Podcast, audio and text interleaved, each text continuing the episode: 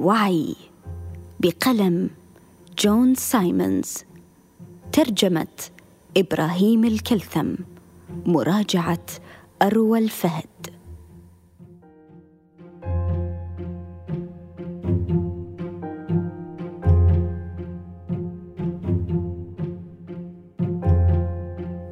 واحد تجربة الوعي العادية تنهض من النوم وها أنت ذا واع. أما في حالتي فإني لا أبلغ الوعي التام إن لم أشفع ذلك بمساعدة كيميائية إضافية بكوب من القهوة ثم أنجح بعد ذلك في الانتقال إلى الوعي وأواجه صباحي. إن هذا الانتقال من النوم إلى الوعي نقطة انطلاق مفيدة لنا عندما نفكر فيما يعنيه أن تكون واعيا. كما أننا نعرف بجانب هذه الحالة ما نعده أحيانا حالات وعي متمايزة حيث يوجد وعي حياة العمل والعائلة المنهمك بأداء مهامه. وحالة وعي تجربة التركيز على إنجاز عمل يتطلب انتباها مكثفا. وحالة وعي الإنترنت المشتتة والمتلاعب بها حينما ننكب على شاشاتنا. وتجربة الانغماس في سماع معزوفة موسيقية عظيمة أو قراءة كتاب أخاذ. وحالة الوعي العميقة والثقيلة لمن استغرق في صلاته وتأمله. وربما حتى حالات الوعي البديل الناتجة عن استخدام المهلوسات. فكل ما سبق ذكره حالات مختلفة من الوعي يدركها العديد منا ويميزها. وبالرغم من أن الوعي مألوف لنا إلا أنه شيء يعسر علينا تفسيره. اثنان هل يمكن أن يوجد علم للوعي؟ لم تبدأ الفلسفة ولا العلم في الاقتراب من مشكلة تفسير الوعي تفسيرا جادا إلا منذ منتصف الثمانينيات. ففي معظم القرن العشرين اعتبر عديد من العلماء وجل الفلاسفة مفهوم الوعي مفهوما مشبوها. إذ يبدو الوعي حسب هؤلاء غامضا غموضا لا أمل معه في استكناه غموضه. كما أنه مرتبط بالدين والتصوف إلى حد لا يمكن اعتباره موضوع دراسة للعلم التجريبي. فعلى سبيل المثال رفض عالم النفس الأمريكي بي إف سكينر رفض دراسة الظواهر الذهنية كالوعي في عشرينيات القرن الماضي. بعلة أن الجوانب التي يمكن ملاحظتها وقياسها من السلوك الجسدي هي ما ينبغي دراسته دراسة علمية حصرا. إن هذا الموقف ما زال موجودا إلى حد ما ولكن بدرجة أقل بكثير مما كان عليه في الماضي. سلوكية سكينر لم تكن في واقع الأمر طريقة عملية في بحث علم النفس. وسرعان ما نبذها أغلب علماء النفس الذين استهلوا التفكير بطرق مختلفة لقياس ما يجري داخل الإنسان حينما يلاحظ شيئا ما أو يتخذ قرارا أو يحل المشكلات. ومع أن الوعي ما زال لغزا ملحاحا إلا أن جوانب عدة من حياتنا الذهنية قد أصبح فهمها أسهل من ذي قبل. إذ استطاع العلماء تفسير جانب معتبر مما يجري في الجهاز البصري البشري. وهم قادرون كذلك على بناء أجهزة صناعية تستجيب استجابة مناسبة لبيئتها المحيطة باستخدام البصر الميكانيكي. ويمكننا أيضا بناء أجهزة تشم الهواء من أجل تعقب الكيماويات. ويمكننا برمجة حواسيبنا بحيث تحل المهام الرياضية الصعبة بسرعة عالية. لقد تفوقت علينا الحواسيب منذ مدة طويلة في الألعاب التخطيطية مثل الشطرنج ولعبة جو. وأنظمة التعلم الآلي ما فتئت تزداد ذكاء بطرق جديدة وفي حقول مختلفة.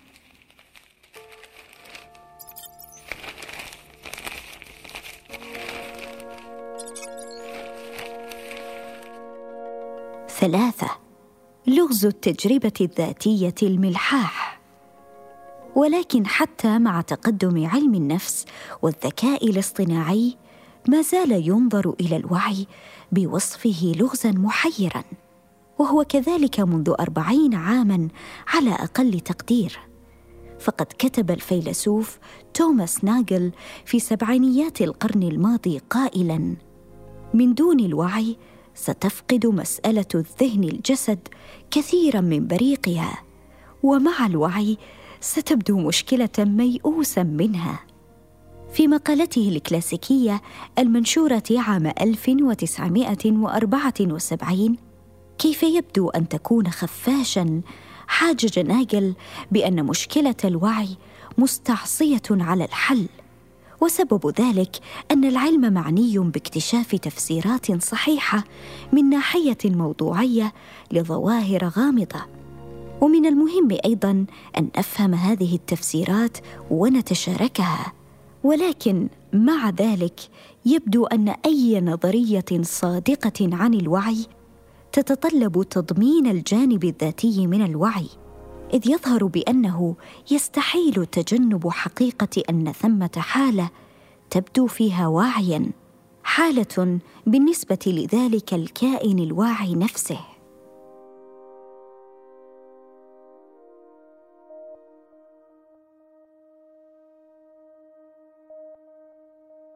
إن مشكلة الجمع بين الجانب الذاتي للتجربة من منظور الشخص الغائب منظور الشخص الثالث في العلوم الطبيعية ليست مشكلة سهلة. فمنظور المرء الخاص حسب ما يذكر ناجل غير متاح للآخرين بكل بساطة. قد أصف لك كيف يبدو لي طعم الليمون عند تذوقه أو كيف يظهر لي اللون الأحمر. لكنك لن تستطيع ابدا معرفة كيف تبدو لي حدود أي تجربة من تجاربي الذاتية هذه. لقد كان ما ذكرته توا ردا مالوفا على مشكلة الوعي ويعتبر كذلك جانبا مما سماه الفيلسوف ديفيد تشالمرز لاحقا بمشكلة الوعي الصعبة The hard problem of consciousness. وهي صعبة قياسا بمشكلات بناء نماذج حاسوبية للإحساس والتفكير التي تعتبر سهلة نسبيا. اخال أنه من الخطأ أن نتخذ موقفا تشاؤميا تجاه تفسير الوعي وفهمه بل في واقع الأمر يمكننا أن نذكر قدرا ليس يسيرا عن الوعي بما في ذلك ما يتعلق بأشد جوانبه ذاتية. إذ إننا نحسن غالبا إيصال ما تبدو عليه التجارب بالنسبة لنا بطرق تجعلها قابلة للمشاركة مع الآخرين حيث طورت الفنون والآداب وسائل فعالة لإيصال التجربة الذاتية ومشاركة المنظورات بطرق تهب تواصلا اصيلا بيننا. كما أعتقد بأننا بدأنا في معرفة ما يميز الوعي عن غيره من الظواهر.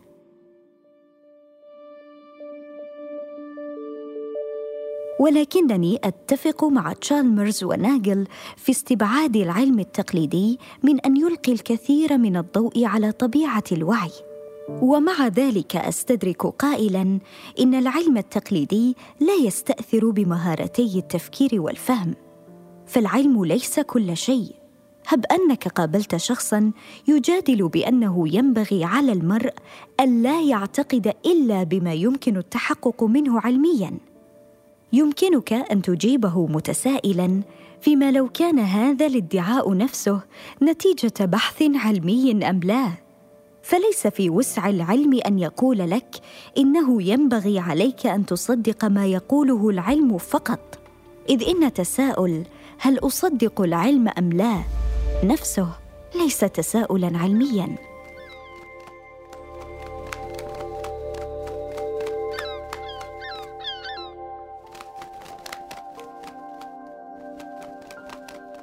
أربعة رجل ابن سينا الطائر.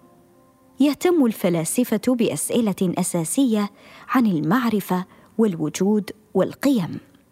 والعلماء عموما ليسوا مؤهلين للإجابة عنها إذ يستخدم الفلاسفة العقل والخيال لفحص الواقع بحثا عن نتيجة ما. فمثلا عندما نحاول معرفة حقيقة الشيء قد نبتكر تجارب فكرية من أجل معرفة ماهية الجوانب الزائدة فيه بغية تحديد الجوهري فيه.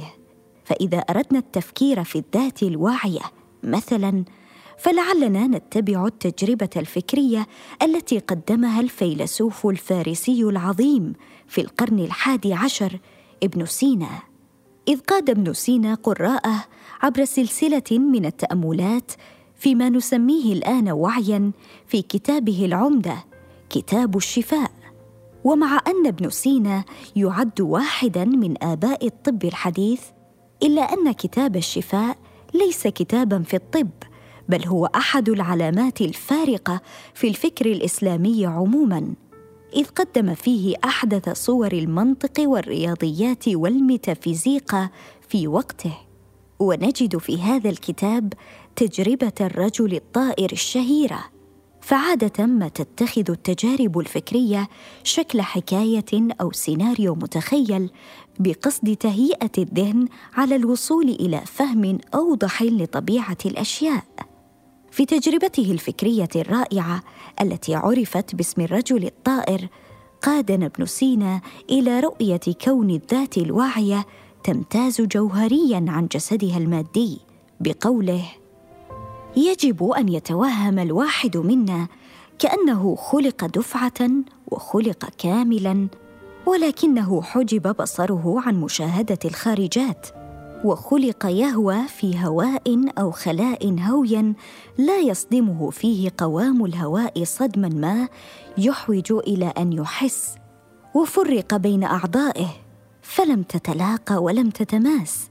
ثم يتأمل أنه هل يثبت وجود ذاته ولا يشك في إثباته لذاته موجودا ولا يثبت مع ذلك طرفا من أعضائه ولا باطنا من أحشائه ولا قلبا ولا دماغا ولا شيئا من الأشياء من خارج بل كان يثبت ذاته ولا يثبت لها طولا ولا عرضا ولا عمقا.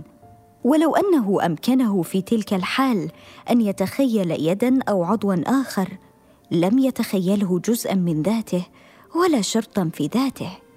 وأنت تعلم أن المثبت غير الذي لم يثبت والمقر به غير الذي لم يقر به. فاذا للذات التي أثبت وجودها خاصية على أنها هو بعينه غير جسمه وأعضائه التي لم تثبت. كتاب الشفاء الطبيعيات الفن السادس المقالة الأولى صفحة ثلاثة عشر تحقيق إبراهيم مدكور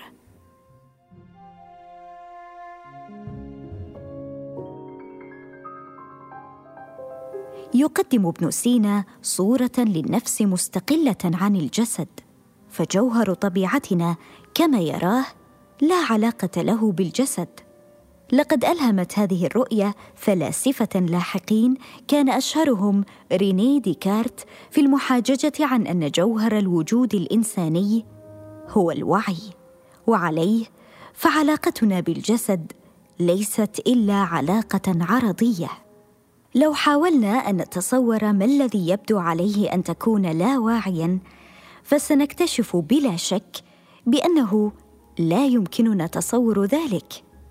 فبمعنى من المعاني أن تكون لا واعيا لا يبدو مثل شيء يمكننا تصوره بوسعنا أن نتصور انعدام النظر وانعدام السمع وانعدام التذوق وانعدام حاسة استشعار الحركة لكن يمتنع علينا أن نتصور كيف يبدو انعدام الوعي بإطلاق.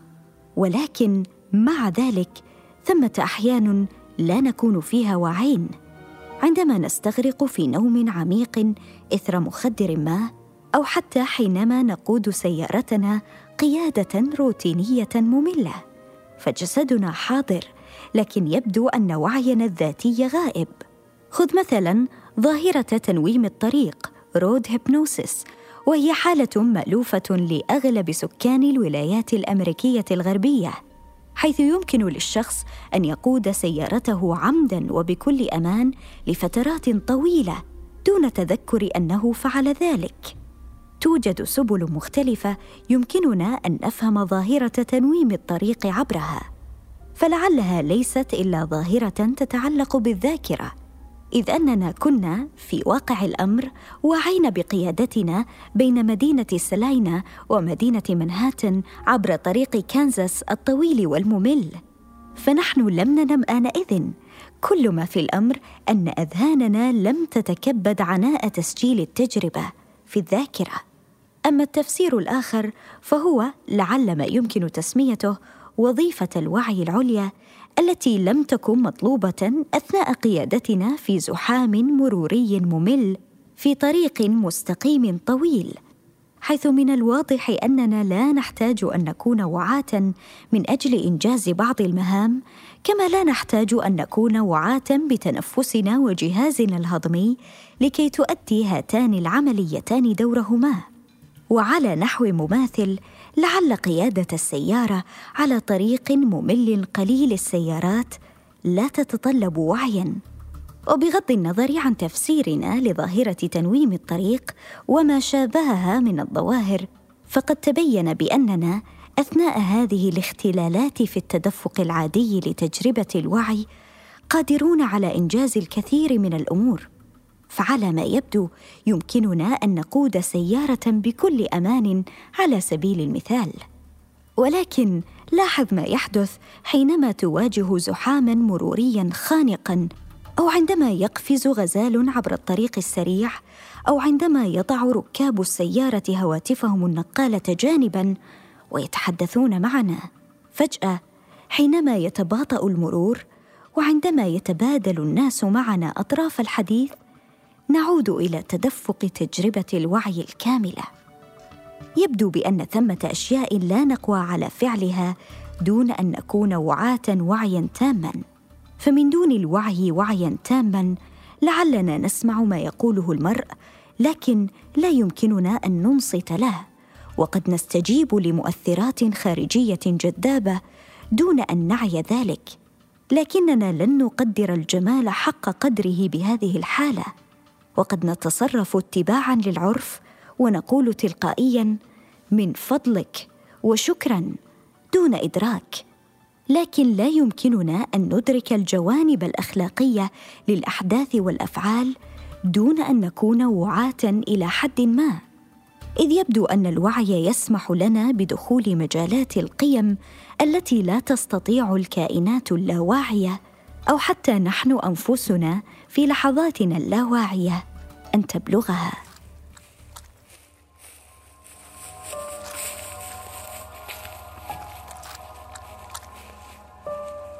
خمسة الزومبي.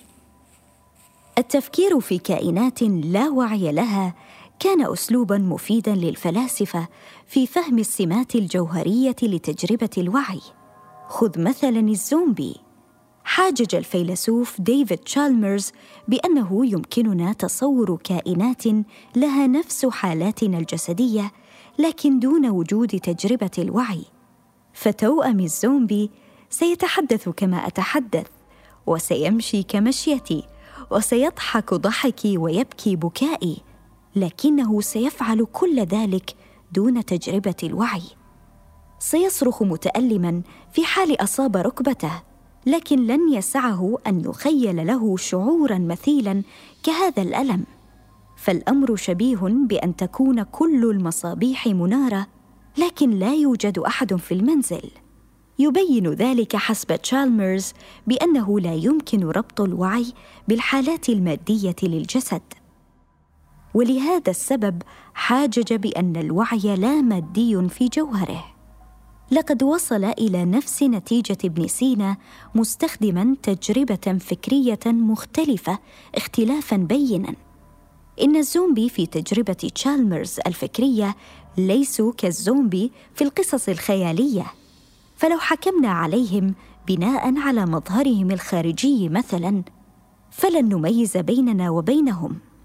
على النقيض من ذلك عندما نفكر في الزومبي ثقيلي الحركة في الأفلام فعادة ما يصورون على أنهم مخلوقات ميكانيكية بطيئة الحركة. في رواية جورج روميرو الكلاسيكية فجر الموتى يشق العديد من الزومبي طريقهم إلى مجمع التسوق ضاربين رؤوسهم بالأبواب الزجاجية اتباعا لعاداتهم وأنماط معيشتهم في حياتهم. بوصفهم مستهلكين حيث يشير روميرو إلى فكرة أيديولوجية ليست خافية تماما مفادها بأننا نحن المستهلكون نعيش حياة فارغة كحياة الزومبي. إن فكرة الزومبي هذه كائنات مثلنا لكن دون وعي موحية ايحاء دالا. يعود أصل الفكرة إلى أيام العبودية في جزر الكاريبي وهي مرتبطة ارتباطا وثيقا بتقاليد غرب أفريقيا الدينية نظرا إلى الأوضاع المزرية التي عاشها العبيد آنذاك فقد ترقب العديد منهم الموت مخلصا من تلك الأوضاع. في هايتي على سبيل المثال كانت إحدى المخاوف أن الموت قد لا يعني الخلاص من العبودية. فثمة مجازفة أن البوكور الساحر قد يعيد إحياء جسد الميت ويخضع إرادته ويستعبده مجددا. يمثل الزومبي الإمكانية المرعبة لحالة استعباد لا تنقطع ومن أجل تفادي ذلك وضمانا بكون الموت طريقا حقيقيا للتخلص من العبودية كان ممارسو سحر الفودو في هايتي يصلون لكائن يسمى بارون صميدي الموجود على نقطة التقاء الأحياء بالأموات والذي يصاحب الأرواح إلى أرض الموتى. كان أحد أدواره ضمان أن جسد الميت يتحلل في القبر بحيث لا يكون متاحا للاستعباد. كزومبي يبعث مجددا. ما عسى ردة فعل ممارس سحر الفودو أن تكون على ما يقوله الفيلسوف الأمريكي دانيال دينت إذ كتب هذا الأخير قائلا إن الوعي الإنساني ليس إلا إيهام الدماغ لنفسه فالوعي يبدو حقيقيا ومهما بالنسبة لنا لكن في واقع الأمر هو ليس كذلك إذ الوعي ليس إلا شيئا أفرزه نظام معقد مكون من مليارات من آلات متناهية الصغر تسمى العصبونات. إن الوعي قصة يقصها الدماغ على نفسه عن نفسه. فمن وجهة نظر دينت فإن الوعي الإنساني مجرد رفيق في الرحلة جالس على قمة نظام معقد وعملاق للعمليات البيولوجية. لكن لا دور له في هذه العمليات البتة. إن رؤية دينت عن الوعي مستفزة وجذابة من عدة جوانب فهو حسب رؤيته ظاهرة زائدة أو ظاهرة مصاحبة epiphenomenal يرتبط بالدماغ كارتباط الزبد بموج المحيط. فدينت لا ينكر وجود الوعي بل لا يراه مهما حقا في فهم طبيعة النظام ككل. بمعنى من المعاني يبدو أن مقولة الأهمية نفسها لا معنى لها بمعزل عن كائنات تهمها الأشياء. فلو أننا لم نكن وعاة قط فلن يعنينا ذلك التساؤل فيما لو كان الشيء مهما أم لا. فعلى الأقل بالنسبة للبشر فإننا نحتاج إلى أن نكون وعاة من أجل بلوغ الأسئلة الخاصة بما هو مهم وما لا يهم. بالطبع إن دينت لا يقصد الأهمية بمعنى القيمة أو المعنى أو المغزى بل هو يفكر من حيثية السبب والمسبب. إن الذات الواعية أثر عمليات سببية تجري في المستوى المادي فلا أثر لها على مستوى الواقع المادي مطلقا. وإن أردت صياغة ذلك بمصطلحات فلسفية أقول لا يمتلك الوعي قوة سببية نازلة تؤهله لأن يكون شيئا حقيقيا فتجربة الوعي لا تؤثر على الجسد الذي أحدثها فلا وظيفة للوعي بحسب دينت إذ هو ظاهرة مصاحبة كما قلنا. ومما يلفت النظر كما رأينا أعلاه مع ثانويين دولستس أمثال تشالمرز وابن سينا وديكارت فإن الوعي أيضا لا دور له في العالم المادي بالنسبة لهؤلاء. لعلنا قادرون على أن نفهم الوعي بوصفه ذا وظيفة ما. لكن ما عسى هذه الوظيفة أن تكون؟ في نظري إن الوعي هو تلك القدرة على التفاعل مع بعد القيم حيث لا توجد ضرورة تحتم أن تبدو الأشياء كما تبدو عليه فثمة طرق أخرى يمكن أن تكون عليها. فقد تكون صحيحة أو خاطئة وقد تكون جميلة أو قبيحة أو محمودة أو مذمومة أو عادية أو استثنائية.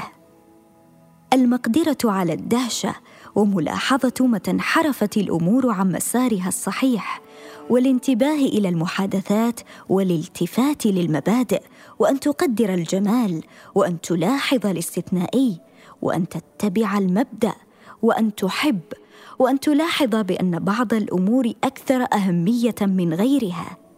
فهذه هي جوانب الواقع التي يجعلها الوعي متاحة لكائنات مثلنا. إن هذه السمات لما يمكن أن نسميه بالمعيارية ليست غريبة عن الطبيعة بل لعلها سمات جوهرية للواقع. ربما ستبدو غريبة عليك إن اعتقدت أن ما هو حقيقي حقا هو ما تذكره لنا آخر مستجدات علم الفيزياء. لكن هذا ليس خيارا متاحا لأسباب سأتحدث عنها في مقالة لاحقة على منصة معنى